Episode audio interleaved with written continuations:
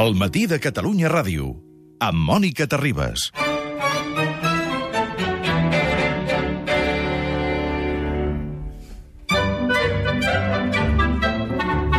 Sabeu que un dels primers occidentals que van entrar a la tomba de Tutankamon va ser un güell?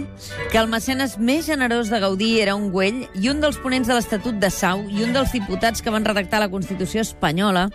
La història apassionant d'aquesta família, de la família Güell, i algunes anècdotes les ha explicat l'Andreu Ferràs, redactor, company d'ofici, cap, eh, redactor en cap del periòdico de Catalunya i professor de la Universitat Autònoma. I el llibre com es diu? Diu Els Güell, la història d'una de les famílies més influents a Catalunya dels últims dos segles. I on és l'Andreu Ferràs? Amb la Laia Claret. I on? A la colònia Güell, oi que sí, Laia? Bon dia. Hola, bon dia. Hola, bon dia, Mònica. Hola, Andreu, com estàs? Molt bé, i tu? Molt bé. Bé. Què, què feu per la colònia Güell? Segurament és un dels indrets, Andreu, que la gent té menys controlat de tot el patrimoni eh, relacionat amb aquesta família, eh? Sí, és curiós, estem aquí, hi ha més japonesos, moltíssims més japonesos que no pas eh, catalans o gent de, de, de l'Estat. Hi ha algun rus, alguna parella de russos que venen a correcuita i visiten la colònia i marxen també perquè Sí. van amb el temps molt controlat, però, però et faries creus perquè sembla més aviat un temple de, del Japó que no pas d'un temple català. Eh? Qui era Joan Güell? Explica-ho. Què va fer Joan Güell? Mira, Joan Güell va ser el, el patriarca, el que anomenen el patriarca de la dinastia Güell.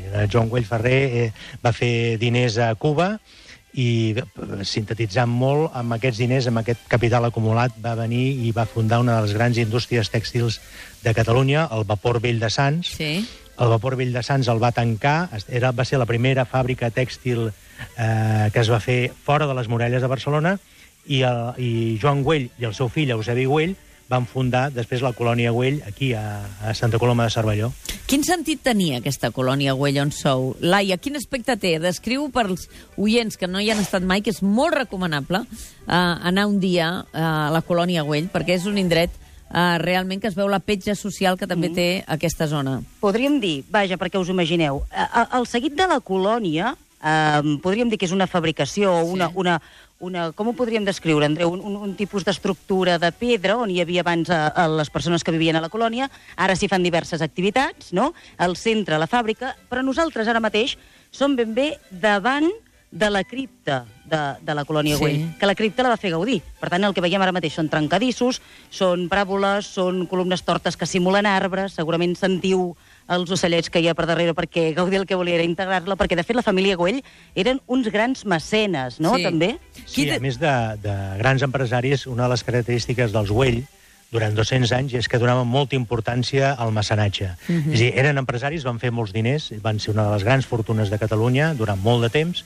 però no només es van dedicar a fer calés, es van dedicar també al mecenatge, a la, a la, a la innovació, eh, tant eh, científica com a la innovació ci- eh, artística. Un dels grans innovadors artístics, ho sabem tots, va ser Antoni Gaudí, i ells van ser els mecenes de... Eusebi Güell, en concret, va ser el mecenes de Gaudí. Perquè Eusebi Güell, el, Eusebi Güell és el fill de Joan Güell, no? Josepi Güell és el, el fill, és un dels fills, va tenir dos fills, una, una dona i un home, i Josepi Güell és el que va fundar, a partir de Joan Güell va fundar la colònia Güell, és el que va fer fer el Palau Güell també pel Gaudí, és el que va fer fer el Parc Güell, que havia de ser una gran promoció immobiliària, però que va fracassar, una, una promoció immobiliària per la gent benestant, pels burgesos de, Mm. de Barcelona, però, però va fracassar. Va ser un gran industrial i, a més a més, un, un gran mecenes i també un financer de la, de la Lliga Regionalista va ser, Mhm. i de, i de la Unió Cultural. Va patrocinar també a, el centenari de la, Mare de, Déu de, de la intronització de la Mare de Déu de Montserrat. Era gent, tots els Güell, i començant per Joan Güell i Eusebi Güell, que durant 200 anys va estar molt implicada, molt imbricada amb la- amb l'activitat, amb l'esdevenir de la societat eh, catalana. El Joan Güell, per exemple, a més a més d'industrial, va ser un gran apòstol del, del proteccionisme, mm. és a dir, les fàbriques, la, la, la indústria tèxtil que començava a mitjans del segle XIX de, catalana necessitava la protecció de les aduanes perquè si no havia una invasió de, la, de, de productes tèxtils britànics i això perjudicava molt als catalans. I ell defensava el proteccionisme, defensava un augment dels arancels a Madrid i s'enfrontava, curiosament, amb un altre català, a l'Aureà Figuerola, que va ser el pare de, de la Passeta, un català que, era, que va ser ministre d'Hisenda amb eh, Joan Prim, i, i, i, i, va, i era el pare de la Passeta, i estava, eren lliurecanvistes, un era defensava els lliurecanvistes i els altres proteccionistes. Uh, Santa Coloma de Cervelló és un d'aquests nuclis on es pot veure la petja de la família Güell. Evidentment, hi ha molts altres indrets, uh, però una de les característiques de la família Güell, Andreu, és que uh, eren com avançats als seus temps. No? Ells ja van reclamar l'ample de via europeu, eren una gent que tenien molt clar que s'havia de projectar Barcelona com a ciutat internacional, ciutat de fires, no? Sí, sí, exactament. Uh, anem, estem parlant ja de, del fill, bueno, a part de- d'ells que també eren innovadors, del fill d'Eusebi Güell, Sí. és a dir, el net del Joan. Uh, uh, Josep Antoni Güell, o José Antonio Güell, que va ser alcalde de Barcelona, ja a, a finals dels anys 20, després de l'exposició universal del 29, ell va proposar que Barcelona es convertís en una ciutat de fires i congressos, és a dir, aprofitar tota la infraestructura que s'havia muntat a la fira, va, perdó, a l'exposició del 29, que no passés com en amb l'exposició del 88 a la Ciutadella, sinó que s'aprofités tota aquella infraestructura per convertir Barcelona en una ciutat on hi haguessin congressos anualment de diferents gremis, de diferents sectors industrials, empresarials, cosa que no s'havia fet fins llavors i que no es tornaria a fer després, perquè passaria la República, després la Guerra Civil, i no tornaria a ressuscitar aquesta idea fins al porciolisme, fins en ple franquisme. Tenim Tant- molta família Güell viva, Andreu?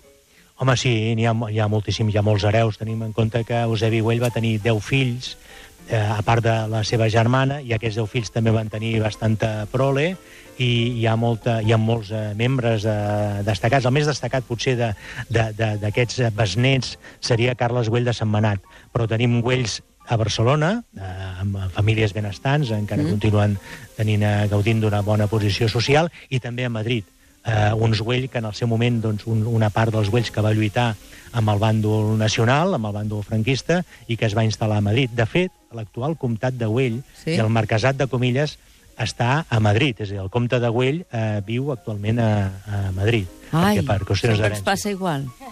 Sovint, sovint es passa igual. Sí, sí, Mònica, és així. Escolta, Andreu, has pogut parlar amb ells per fer el llibre, no, doncs? Sí, amb una part, amb molt bona part de la família, sobretot amb la família d'aquí de Barcelona, de Güell de Sentmenat, m'han ajudat moltíssim, m'han facilitat molta documentació, molts records, molts testimonis, sí, sí, al final, de fet, en el llibre hi ha fins i tot fotografies que vaig treure dels quadres que em van deixar, em vaig endur de la Torre Castanyer, que és on viu en Joan Sí. Güell de Sentmenat, el, el, pa- el, germà de Carles Güell, em va deixar els quadres perquè me'ls pugui- me'ls en vaig endur en casa, després els vaig tornar, eh?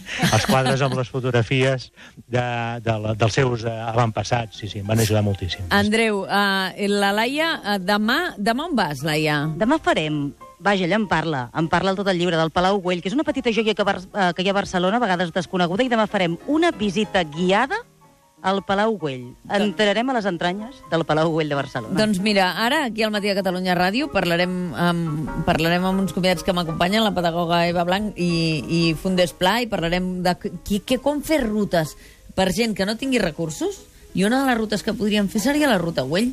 Ah. Andreu, vull dir, ens hauríem d'inventar una Home, i ruta tant, Güell? i tant. No, no, no us podria fer de guia, no ho sé, però no quedaria temps per la pluriocupació, però crec que és, és molt bona idea. Perquè, escolta'm, a, i és- Barcelona, a Barcelona ciutat està ple. Està I, ple, i, Andreu i arreu de Catalunya també, fins i tot ja, fins i tot es pot anar a Castellà de Nuc, on hi ha Güell, i per suposat també eh, empremtes de Gaudí allà també, no? perquè anaven, són dos cognoms molt, que estan molt vinculats, com tots sabem. No?